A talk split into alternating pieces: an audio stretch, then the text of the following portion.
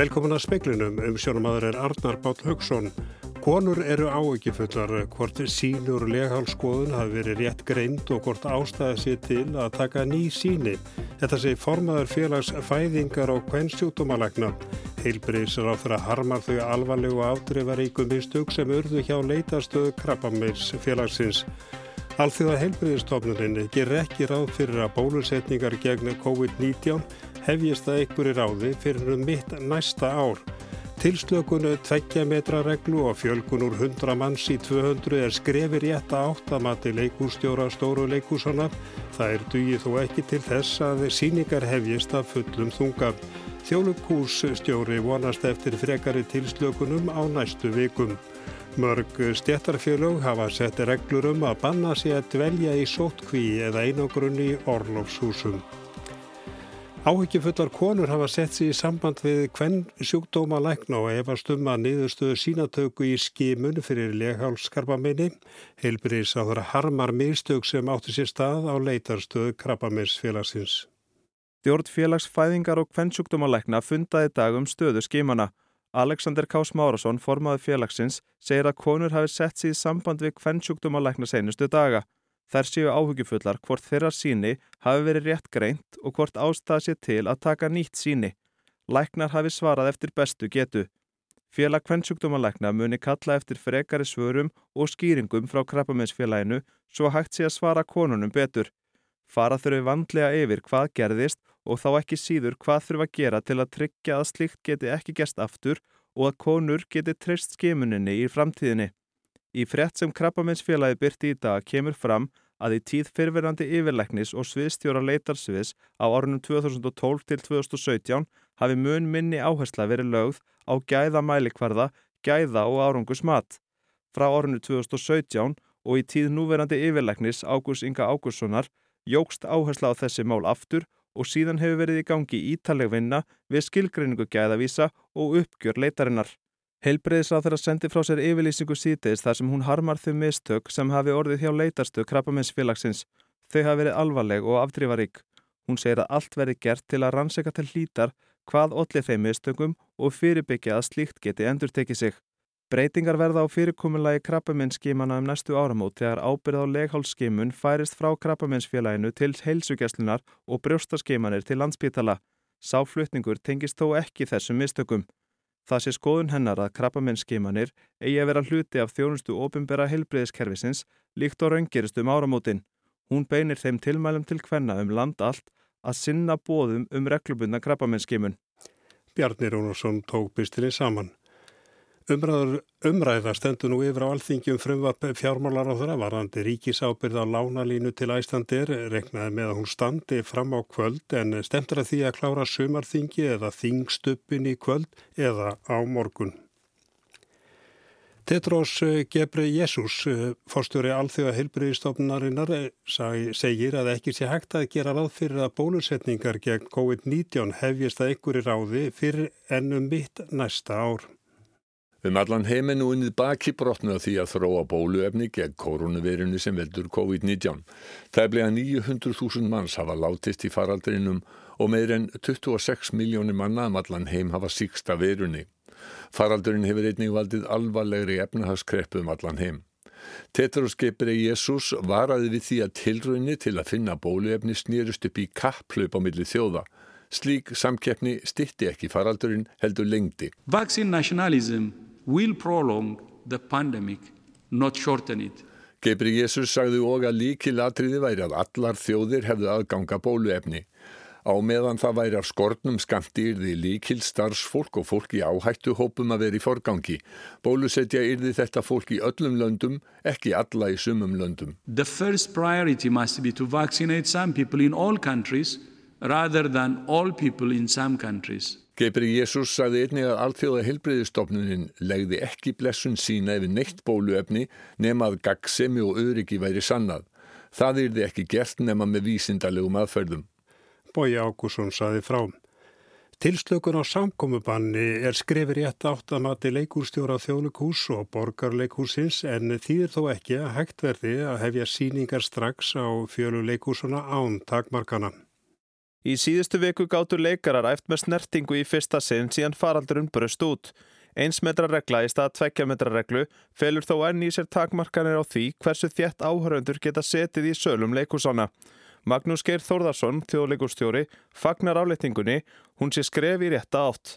Eh, við höfum verið í samskiptu við yfirvöld og, og, og trúum því að, að, að það sé stemt af þessu en að sjálfsögðu er það, er það yfirvöld sem taka ákvörðum hvað sé örugt og tröst en, en við auðvitað vonum eins og allir landsmenn að þetta sé alltaf þokast í rétta átt. Brynhildur Guðjónsdóttir, borgarleikustjóri, segir afleitinguna jákvæða. Fyrsta verk haustsins verður frumsynd í borgarleikusinu 18. september. Þar verður hægt að taka múti 75 gestum í stað 60. Magnús segir ímislegt vera til skoðunar í þjóðleikúsinu til að mynda að sína aðeins fyrir börn.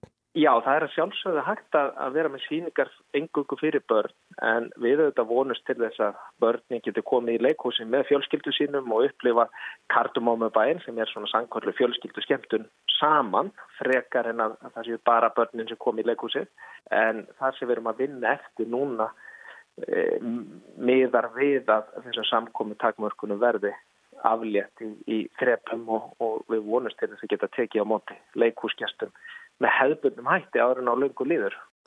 Sæði Magnús Geir Þórðarsson, Bjarni Rúnarsson tók saman og síðar í speiklunum verður tala við leikústjóra borgarleikúsins.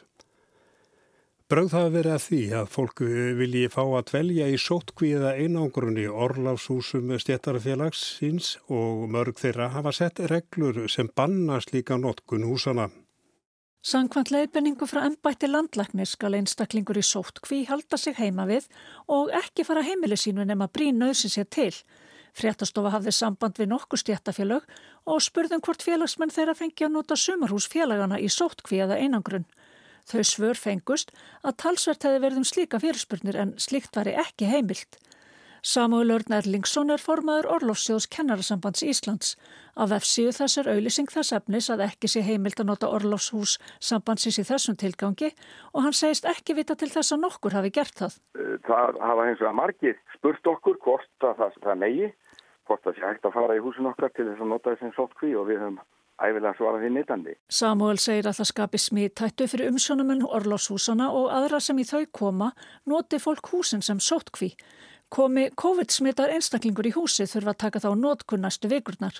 Hann segir að reglur kennarasambandsins hafi verið settar eftir samtala millir stjættafélaga. Ég auðvitað bera menn sig saman í því hvernig að taka á svona málum sem að enginn hefur tekið á áður og ég veit ekki um neina sambarið aðeila sem hafa gert þetta nýtt örfi sem við. Þetta var Samúl Örn Erlingsson, Anna Lilja Þóristóttir tók saman. Guðlúð Þór Þórðarsson, utaríkisráður að flutti sameilit ávarp Norðurlandana og sérstökum fundi öryggisráðs saminuð þjóðana um málefni Kvítarúsland sem fram fór í dag. Fyrir höndu Norrænu utaríkisráðurana lísti hann miklum áhyggjum af stöðu mannréttinda í Kvítarúslandi í kjölfa nýlegra fórsetakostninga sem enga veginn getur talist að veri frjálsar eða óháðar. Hann eh, saði það vekja sérstakann óhug hversu mikið óbeldi hefði verið beitt gegn friðsömum mótmælendum og fjölumilafólki. Greifjars bæri þess að vilja almennings í Kvítarúslandi væri virtur og öllum er kert kleift að lýsa sjónamiðu sínum og meirum Kvítarúsland, Norðurlandaráð og Svetlana Tikanovaskja leittói stjórnarhanstöðunar í Kvítarúslandi hittust á fjarfundi í fyrardag þar sem ráði lísti formlega yfir stuðniki við stjórnarhanstöðun í Kvítarúslandi. Tikanovaskja tók þátt í fundunum frá Litáen þangað sem hún var knúin til að flýja eftir hún var handekinn eftir fórstakostningarnar í Kvítarúslandi. Silja Dögg Gunnarsdóttir, fórsiti Norðurlandaráðs, saði fundin hafa verið áhrifamikinn. Dekanovaskja tók fram á fundunum að þau væru ekki lengur anstuðafl við stjórnvaldi í Kvítarúslandi heldur meiri hlut í meiri hluta. Hún þakkaði verið síndan stuðning á fundunum og saði hann hugreistingu í baráttu fyrir frelsi. Þau lögðu bara áherslu að það við okkur á fundunum að, að þau get ekki staðið endalust einn alþjóðsamfélagi verður að hlusta og þau báðu fyrir þau skilaboð að við myndum tala við okkar ráþera, þingmenn í okkar þjóðþingum og við öll myndum tala þeirra máli sem víðast. Þannig að þau gleymist ekki og hérna, að þau hafi rött. Þetta var Silja Dögg Gunnarstóttir. Breytar sótvarnareglur sem taka gildi á mánundag breyta litlu með skólahaldi í framhaldsskólum og háskólum. Það er hafa heldur ekki mikil áhrif á stóru leikúsin. Leikústjóri borgarleikúsins segir þær að sjálfsögðu jákvæðar en þær bjarg ekki lífi leikúsuna. Hún segir að fólk þyrsti í andlega næringu, nánd og samveru í leikúsinu. Heilbriðisar á það að byrti í dag enn eina reglugerna vegna COVID-19 og fer í einu öllu eftir tilugum sortvandalæknis. Megin breytingarnar eru að nálaðareglan fer í 1 metra í stað 2 og samkomabann miðast nú við 200 manns í stað 100. Þá fer hámarsjöldi í sundlaugum og í líkansræktastöðum úr helmingi 75%. Þá gildir einsmetrarreglanum íþróttir, sviðslistir og aðra menninga starfsemi. Fjöldi áhörfunda fer eftir eh, einsmetrarreglunni og að ekki séu fleiri en 200. Eftir því sem næst veru komist hafa þessa breytingar lítil áhrif á skólahaldi framhaldsskólum og sömulegðis litlar breytingar í háskólum. Í Háskóla Íslands er breytingi svo að það hægt verður að fækka sótvarnar hólfum. Brynhildur Guðjónsdóttir, leikúrstjóri borgarleikúsins, segir að breytingarnar á reglunum séu vissulega jákvæðar en það er bjargið þó ekki lífi leikúsins. Sko þessar fjöldatakmarkanir að þeir fari úr 100 í, í 200 uh, er, er bara jákvægt skref og, og, og gott fyrir okkur en að samaskapi um, á meðan það eru einhverja nándartakmarkanir og innan salana þá, þá þetta auðveldar okkur vissulega uh, skiptingu sótvarnarhólf en þetta bjargar ekki líf okkar. Þetta bjargar ekki líf ykkar en eitthvað breytist þó. Getið þið fjölgað áhörfundum á litlu sviðunum? Mjög takmarkað. Við vorum búin að reikna það út að, að hérna 18. september ætlum við að frumsýna fyrsta verk leikásins og þá var miða við síðustu gildandi í síðustu gildandi sótvarnareglur sem voru þarna 102 metrar og það voru 60 manns sem átt að rúmast inn á nýja sviði uh, en við getum þá núna farið upp í 73 eða 75. Breytingarnar séu takmarkar vegna nándarreglunar. Rösklega 500 manns komast fyrir í stóra sal borgarleikúsins en ljóst er að hann fyrir ekki nótkunn strax þó að reglunum hafi verið breytt. Nei, það liggur alveg í, í augum uppi að hann gerir það ekki. En við auðvitað vonumst til þess að, að það sem er að gerast núna og þessi skref sem verið er að stíga, nú er verið að beina sjónum að menningageranum og, og, og, og þó fyrir hefði verið að því þetta er mjög brínt að við komumst á stað. Um, þá vonumst við auðvitað til þess að það verði trappa hraðar nýður og það eru fleiri menningarhús sem eru með stóra sali sem standa frammi fyrir þessum vandræðum. Og og vonir bara standa til að í oktobermánuði þá verði þessi nándar regla valkvæð og þá getum við haldið lífi í stóru sjölunum okkar. En með gildandi reglum þá getum við það ekki. Hlust á Seppelín og ég ferðast aftur í tíman Þetta var Björn Stefánsson að syngja lægi afgan í leikritinu Nýju líf sem fjallar um lífslaup Bubba Mortens Aðeins tókst að sína leikritið þrísva sinnum á stóra sviðinu áður en að COVID skall á eða réttar að sagt samkomu bann en nú hefur það leikritið verið sett á dagskrá 1. oktober. Það er að sjálfsögðu há því að sóttvarnareglur breytist. Reglugerinn sem tekur gildi á mánudag gildir að óbreytu til 27. september.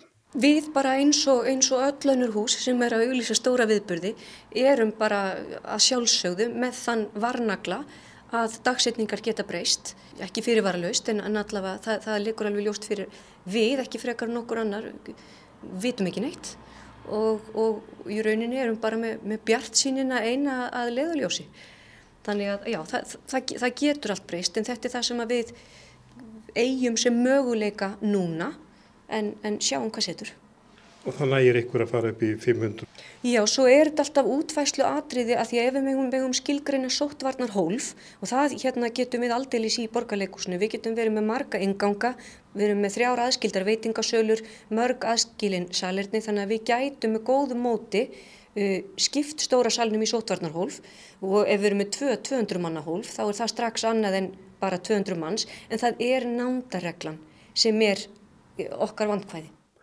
Það var skellt í lási í borgarleikúsinu um meðjan april, nú eru hafnar síningar í litlu sölunum með fjölda takmörkunum. Margir sem höfðu keifti miða mistu því að síningum og býða óþreyju fullir vantarlega eftir að komast í leikhús. Þetta er orðið talsverðið flækjustig. Getur rétt ímyndaðir. Við erum nú þegar búin að færa síningar og höfum þetta að gera aftur og nú við að bregðast við því að, að e, síðasta leikár hefur færst inn í núverandi leikár og það likur alveg ljóst fyrir bara hver dagur sem líður snýður okkur þrengri stakk og hluti af núverandi leikári er nú þegar búin að færast yfir á næsta leikár. En, en uh, það er síningar sem hafa voru tilbúnar og, og fólk átti inni frá því voru okkar kortagjastir Allir þessi miðar eru treyðir, við komum með nýjar dagsetningar um leið og við getum. Fólk hefur sínt sko ómælda þólumæð og skilning og þetta er mjög mikið álag á miðasölunni hjá okkur, það, það verður að segjast. Þetta er alveg hérna að færa allt þetta fólk fram og tilbaka. Kortið, afsláttakort seljast yfirleitt eins og heita lumur er mikil ásokn í þau núna? Við settum kortasöluna í gang í sumar eins og, eins og við gerðum fyrir ári síðan. Miðasalinn er búin að matla, við erum ekkert byrjuð að auglýsa, þetta er bara þarna og kortasala gekk vel í sumar sem segir okkur það bara fólk þystir í að koma í leikús, það þystir í þessa andlugu næringu, nánd og samveru og, og, og bara Guð hjálpi mér, við verðum að fá þetta vegna þess að skilur eigum að drepast og leðundum. Sagði Brynhildur Guðjánsdóttir.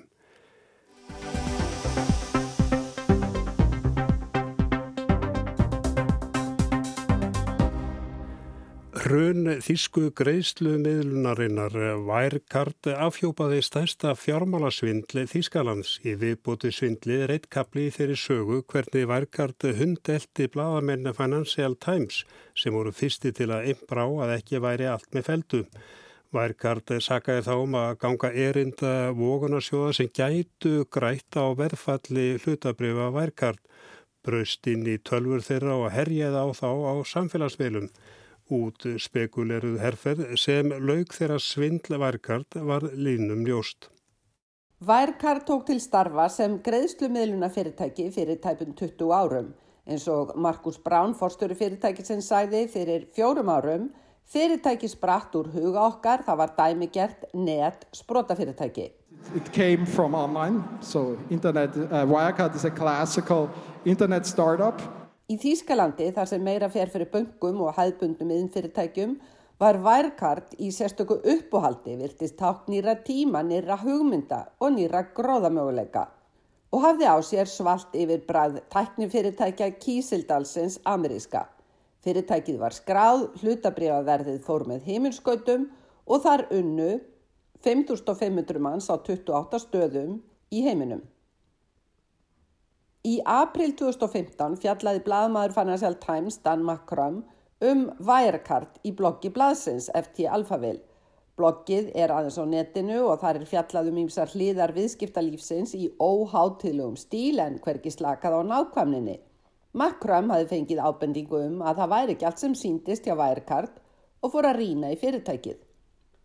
Snemma árs 2016 byrtu tveir fjárfestar skýrslu um Wirecard Satarra skýsluna svo kölluðu, kenda við dullnefni greifans af Monte Cristo í samnemndri sögu Alexander Dumas. Höfundar skýslunar voru ekkert að skafa af því, sögðu Værkart nota svikopretti til að gefa algjörlega óraunsæja mynd af stöðunni. Hlutabref Værkart tóku dífu. Makram fjallaði um skýsluna. Lögfræðingar Værkart brúðust ókvæða við. Undarleir hlutir fór að gerast. Tilfinningin var að framkvæmdastjóri fyrirtækisins Jan Marsaleg væri á bakvið þær hræringar. Marsaleg átti heima í hálgerðri höll í Vín, bjó annars mest á luxushótelum á sífældum reysum, hafði aðtiklisverð tengsl við rússa og hægri aukaöfl. Nú hefur svo Dan Krömm skrifað greinum hvernig það var að rannsaka værekart, það gekk nefnilega ekki lítið á. Það var reynd að planta falsfréttum í bladið en FT fjall ekki þá grefju að byrta. Í gegnum kunningja í fjármálageiranum fekk Pól Murphy, rannsóknarinnstjóri FT, tilbóð um greiðslu upp á 10 miljónir bandaríkjadala um 140 miljónir króna fyrir að hætta rannsókn á Wirecard. Það var reynd að fá starfsmann FT til að fjarlæga greinar um Wirecard af vefblaðsins. Post 12 FT var hakkað og postum blaðamannana stólið hverji sem þar voru að verki, kliftu samskiptin til og skálduði eðurnar svo útkoman var fjærri sannleikanum. Það var róið að því leint og ljóst að Tortryggja Makram og samstarfsmenn hans við yfirmenn FT. Þeir væri spiltir, skrifiðu værikart niður í þáu vogunarsjóða sem stunduðu skortsölu og borguðu blaðamannunum. Afleðingin var tveggja mánada innanhús rannsókn FT á hvort að væri allt í lægi með blaðamennina og svo voru það síkildar hótanir lögfræðinga sem sér hafa sig í meðirðamálum. Almanatenglar unnaði að grafa undan skrifum FT um værkart og Twitter var held fúkirðum yfir blaðamennina þeir kallaðir öllum millum nöfnum væri ekkit annað en ótíndir glæpamenn. Makram og félagar voru þó nokkuð vissir í sinni sög, hafðu góðar heimildir en það var ekki öðvelt verið á að fjalla um Wirecard undir þessum aðförum. Alltaf heldu yfirmenn Wirecard áfram að verja fyrirtækið en að lokum fóru útlínur í svindsögu að byrtast. Þann 19. júni tilkynnti Markus Brán að það var ekki útilokað að Wirecard væri fornarlamp svika. Es kann derzeit nicht ausgeschlossen werden, dass die Wirecard AG in einem Betrugsfall erheblichen Ausmaßes zum Geschädigten geworden ist. Það skipti engum tógum, Wirecard trundi. Marsalek kvarf, fer enn hulduhafði og bránir í fangelsi meðan rannsókstendur yfir. Hluti af sögunni er þetta hvernig Wirecard gat með aðstóðu lagfræðinga, endurskoðenda og fleiri haldið blekkingunni gangandi meðal annars með því að herja á bladamennina með ærnum tilkostnaði. Eitt er að fyrirtæki vilji verja sig gegn misvísandi eða rángri umfjöllun en yfirmenn Wirecard sem réðu lögfræðinga spæjara og almannatengla til að hrella eftir og bladmenna vissu vel að það sem Financial Times skrifaði var rétt. Með árásum á bladamenn réðust yfirmenn Wirecard í raun gegn sannleikanum. En já, sannleikurinn sigraði í þessari glímu. Sigrun Davistóttir saði frá. De Víctor Heredia, una canción posible.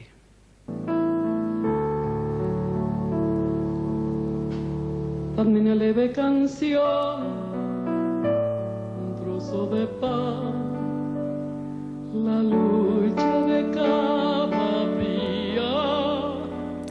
Kondórin er allra ránfugla stæstur og ég framt heitið á sameinlegri leinið þjónustu átta einræðisríkja í Suður Ameríku. Þau samenuðust um mannrán, pyntingar, nöðganir og morð á morgundruð pólitískum andstæðingum þeirra á 8. og 9. áratögnum. Dæin eftir fjögur ára afmælið sá Anatóli Lara Beiti fóreldra sína í hinsta sinn 27. september 1976. Fadur hans lá í blóði sínu eftir skótaross og móðurinn við hliðans. Fjögur ára drengurinn og átján mánada sýstir hans voru handtekinn í útkverfi höfuborgarina Búanes Æris í Argentínu. Þau voru í varðhaldi í rúman mánuð í Argentínu, síðan flutt til heimalandsins Uruguay sem vinstri sinnaðir foreldrarnir höfðu áður flúið og loks til nágrana ríkisins Síle. Þar var þeim sleft dægin fyrir jól út á miðri götu eftir þryggja mánada varðhaldi í þremur löndum. Þau þekktu engan, vissu ekki í þennan heimni annan, voru vistuð á munnaðleysingahæli en voru síðar tekin í fóstur. Á fullorðins aldrei komust þau í samband við fjölskyldu sína og hafa barist fyrir réttlæti æg síðan. Súpar átt að verðist loks vera að skila einhverjum árangri. Lara Beatty segir í Guardian að hann vilja að heimsbyðin viti af þessu hriðjöverka neti sem gekk undir nafninu Condor sem er allra ránfugla stæstur. Leinið þjónustu net átta herfóringjastjórna í Suður Ameríku, Argentínu, Síle, Uruguay, Bólivíu, Paraguay, Brasilíu, Peru og Ekvator. Ríkin gáttu óhindrað sendt dauðasveitir landa á milli til að ræna, pinta og myrða pólitíska andstæðinga sem hefðu flúið ofsóknir í heimalandinu. Leinið þjónustunnetið Kondor var háþróuð aðferð einræðisherrana til ofsókna gegn þeim 2000 sem voru drepin í Suður Ameríku á 8. og 9. áratug síðustu aldar. Örlöglara beiti hafa verið rifið upp í tugum réttarhalda við svegarum heimin á síðustu tveimur áratugum. Fyrstu réttarhaldin hófust í Róm fyrir 20 árum og þeim er enn ekki lokið. Í fyrra var fyrrum forseti Peru, utanríkisráð þeirra Úragvæ, yfir maður leinið þjónustu síle og 21 til viðbótar, dæmdir í lífstíðar fangelsi. Þeir áfríðuðu allir og niðurstöðu er að vænta á næsta ári. Myndin hefur verið að skýrast á síðustu árum, ekki síst eftir að Barack Obama bandaríkja fórsætti ákvaða létta leind af gríðalugu skjálamagni. Þau sína hver mikið bandaríkin og önnur vesturveldi vissu um þessar skipulögðu ofsóknir. Herfóringjarnir heldu sínum ódæðisverkum áfram og á reyttir. Bandaríkinn dældu til einræðisríkjana peningum og hernaðaraðstóð. Pyntingamestararnir fengu margir þjálfun í þjálfunabúðum bandaríkjæðars í Panama. Leinið þjónustunettið Kondor var fyrst nefnt opimberlega í málsókn spænska dómarans Baltasar Skarsón undir lok tíunda áratugarins. Augusto Pinochet var handtekinn í Lundunum árið 1998. Hann var í haldi í 17 mánuði. Framsal til spánar var samþygt í tvígang en hann var á endanum sendur heim til Síle af heilsufars ástöðum. Pinochet leta alltaf mynda sig illahaldin í hjólastól en þegar hann lendi í heimalandinu stóð hann upp úr hjólastólnum og veifaði stuðningsmönnum sínum. Málið vakti heimsategli og skriður komst á málaregstur víðaðum heim. Herfóringjastjórnirnar höfðu lengi unnið náinn saman en leinið þjónustu netið Kondor var formlega stopnað í november árið 1975. Pinochet og yfirmaður leinithjónustu hans í Síle, Manuel Contreras, buðu 50 leinithjónustumönnum frá Suður Ameríku á stopnfund Kondors. Neti náði yfir fjóra 50 hluta álfunar og 10% landsvæðis í heiminum öllum. Um söfinn voru mest í Argentínu en þangað höfðu margir stjórnar andstæðingar flúið undan ofsóknum í heimalandinu. Í öllum löndunum voru pyntingastöðvar og fangelsi af öllum toga. Líkum fornalampa var yfirleitt kastað í sjóin og aðstandendur vissu yfirleitt ekkert um örlög ástvinna. Lýsingar á meðferðinni, pyntingunum, nöðgunum og morðum erum á ólíkindum. Washington Post greindi frá því á dögunum að svissnest fyrirtæki sem sá mörgum helstu leini þjónustum heims fyrir njósnatækjum ímiskonar og dölmálsvélum hafi í raun verið í eigu leinið þjónustu bandaríkjana og vestur Þýskalands. Tækin voru hennuð þannig að leinið þjónustur bandaríkjana og vestur Þýskalands gáttu fylst með öllum samskiptum, meðal annars samskiptum leinið þjónustu netsins Condors. Í Washington Post segir að leinið þjónustan CIA hafi útvögað helstu innræðisríkjum Suður Ameríku fjarskipta búnað og gæti fylst náið með grimdaverkum þeirra. Sendi nefnd frá leini þjónustum vestur Þískalands, Breitlands og Fraklands fór til Argentín árið 1977 til að kynna sér samstarfið í Kondor.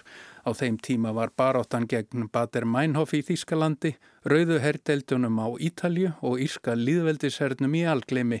Löndin vildu samhæfa aðgerðir og litu til Suður Ameríku sem fyrirmyndar. Herfóringjastjórnirnar hundu ein af annari á nýjunda áratögnum en böðladnir fengu að mestu að vera óáreittir.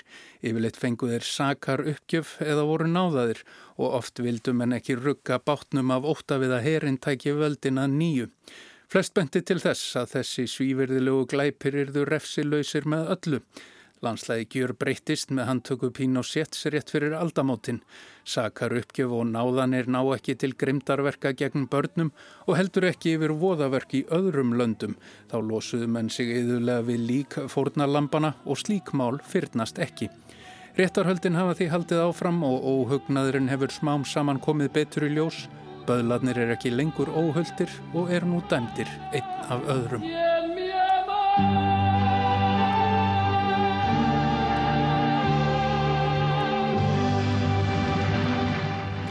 Og þarna heyrðist Mereti Sosa flyttalagi Una Casjón Possible eftir Viktor Heredia.